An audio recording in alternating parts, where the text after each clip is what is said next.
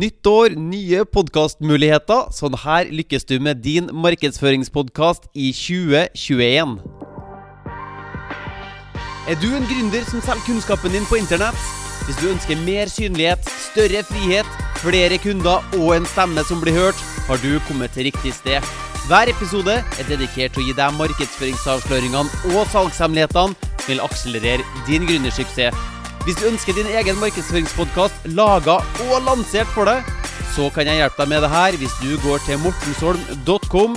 Velkommen, nå kjører vi på!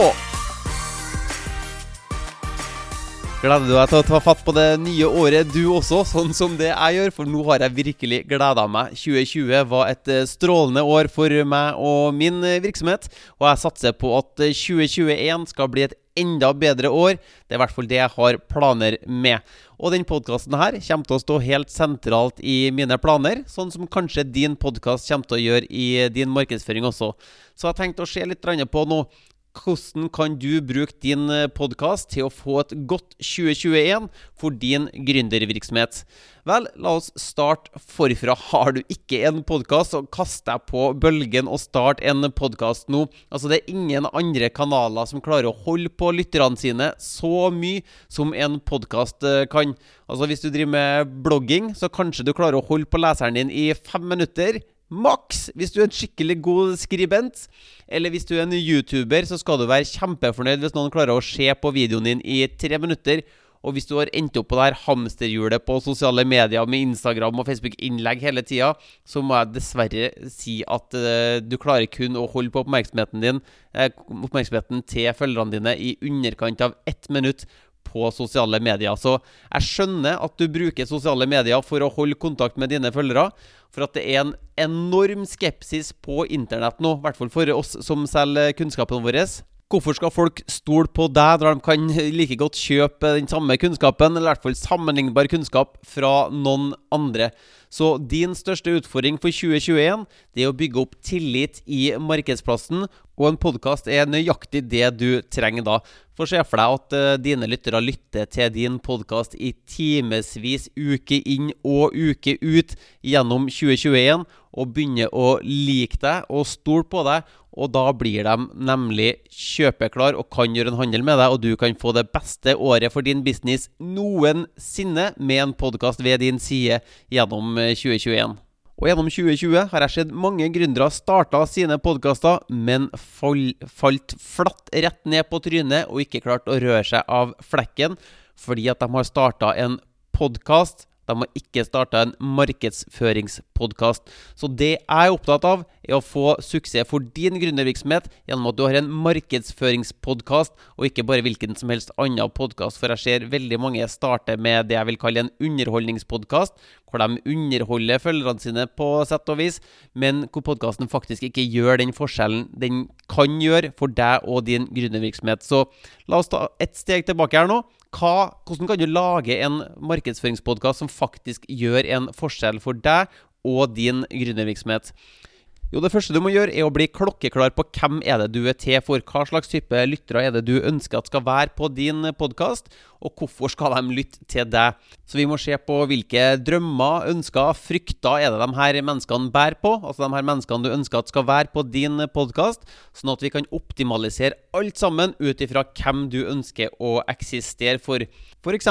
må vi lage en tittel på podkasten din som gjør det intuitivt og enkelt for dine lyttere å finne podkasten din. De må skjønne at din podkast handler om ditt tema, og dersom de er opptatt av ditt tema, så er det din podkast de må lytte til. Og det kan forskerbildet vårt eh, hjelpe oss med også. For når de søker etter eh, nøkkelord innenfor ditt eh, tema, så får de opp mange forskjellige podkaster.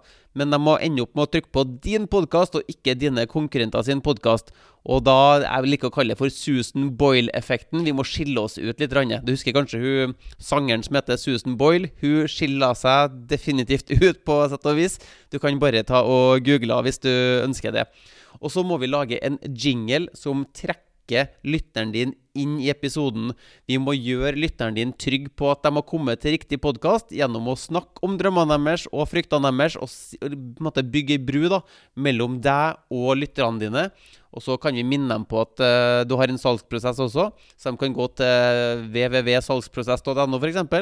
Eller for min egen del så starter jeg jo i jingelen min med å si at uh, du kan gå til www.mortensholm.com hvis du vil ha hjelp med å starte og lansere din podkast. Så kan jeg gjøre det her for deg. Jeg kan lage forsidebildet ditt, jingelen din, outroen. Jeg kan redigere episodene, jeg kan publisere dem. Jeg kan gjøre alt fra A til Å for deg hvis du går til mortensholm.com. Så det er en av de tingene vi bruker jingelen vår til. Og så går vi inn i episodeinnholdet ditt, og det er der vi virkelig skal bygge opp tillit. Det er der du skal skinne som sola, min venn, og du skal få demonstrere din kompetanse. For det det hele podkasten din går ut på. At du skal få demonstrere din kompetanse, gi verdi ut til dem som trenger å få verdi. Og du kan vise dem at du har løsningene på deres problemer. Og hvis de har lyst til å få løst problemene sine kjappere eller eh, bedre, så kan de gå til salgsprosess.no eller din type salgsprosess, da, sånn at de kan jobbe eh, tettere med deg. Så jeg må si jeg blir litt trist hver gang jeg ser at uh, eksperter eller gründere henter inn gjester til å være stjerner i sitt program, i hvert fall før de har klart å etablere seg ordentlig sjøl. For jeg syns at din podkast burde være din arena til å demonstrere din kompetanse og gi verdi til folk. Og så ikke misforstå meg, det er ikke sånn at du ikke skal ha gjester på podkasten din. Det må du gjerne ha sakte, men sikkert. Men hvis du ønsker at din podkast skal gi maks uttelling for din gründervirksomhet, så må du være stjerna på din podkast mest mulig. Og så må du gjerne i ny og ne hente inn ekspertiseråd fra noen intervjuobjekter. Eller kanskje at du skal vinkle det på en sånn måte at du tar inn eh, dine kunder og intervjuer dem, f.eks. Hvorfor, eh, hvorfor, skal folk kjøpe dine produkter? Jo, se på historien til denne kunden her som hadde dette problemet, brukt mitt produkt og fikk løst problemet, og nå se hvor fint livet til denne kunden har blitt. Så at du kan gjøre det her i en intervjuform, det kan være en veldig kraftfull og fin måte å starte eh, dine podkastepisoder i 2021 på. Og så tenkte jeg bare å minne deg på en veldig effektiv måte til å vokse podkasten din og få flere lyttere til din podkast. Vær gjest på andre sine podkaster. Hvem er det som allerede har samla et podkastpublikum med dine drømmekunder? Sjekke. altså Det enkleste du kan gjøre, er å gå til iTunes eller Apple Podcast, som det heter nå.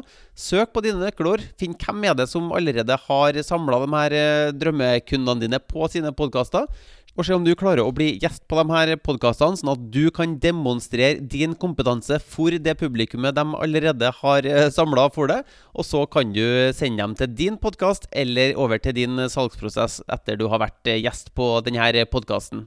Du, og forresten, jeg har en gratis Facebook-gruppe som heter Markedsfør med podkast. Det er helt gratis å bli med der, og der vil du finne Facebook Lives og tips og triks om hvordan du kan lykkes med din podkastmarkedsføring. Så hopp inn i den Facebook-gruppa du har lyst på. Så håper jeg du har et strålende 2021 podkastår. Hvis du vil ha din egen markedsføringspodkast laga og lansert for deg, sørg for å gå til mortensholm.com. Og hvis du vil ha flere episoder som det her, trykk på abonner-knappen.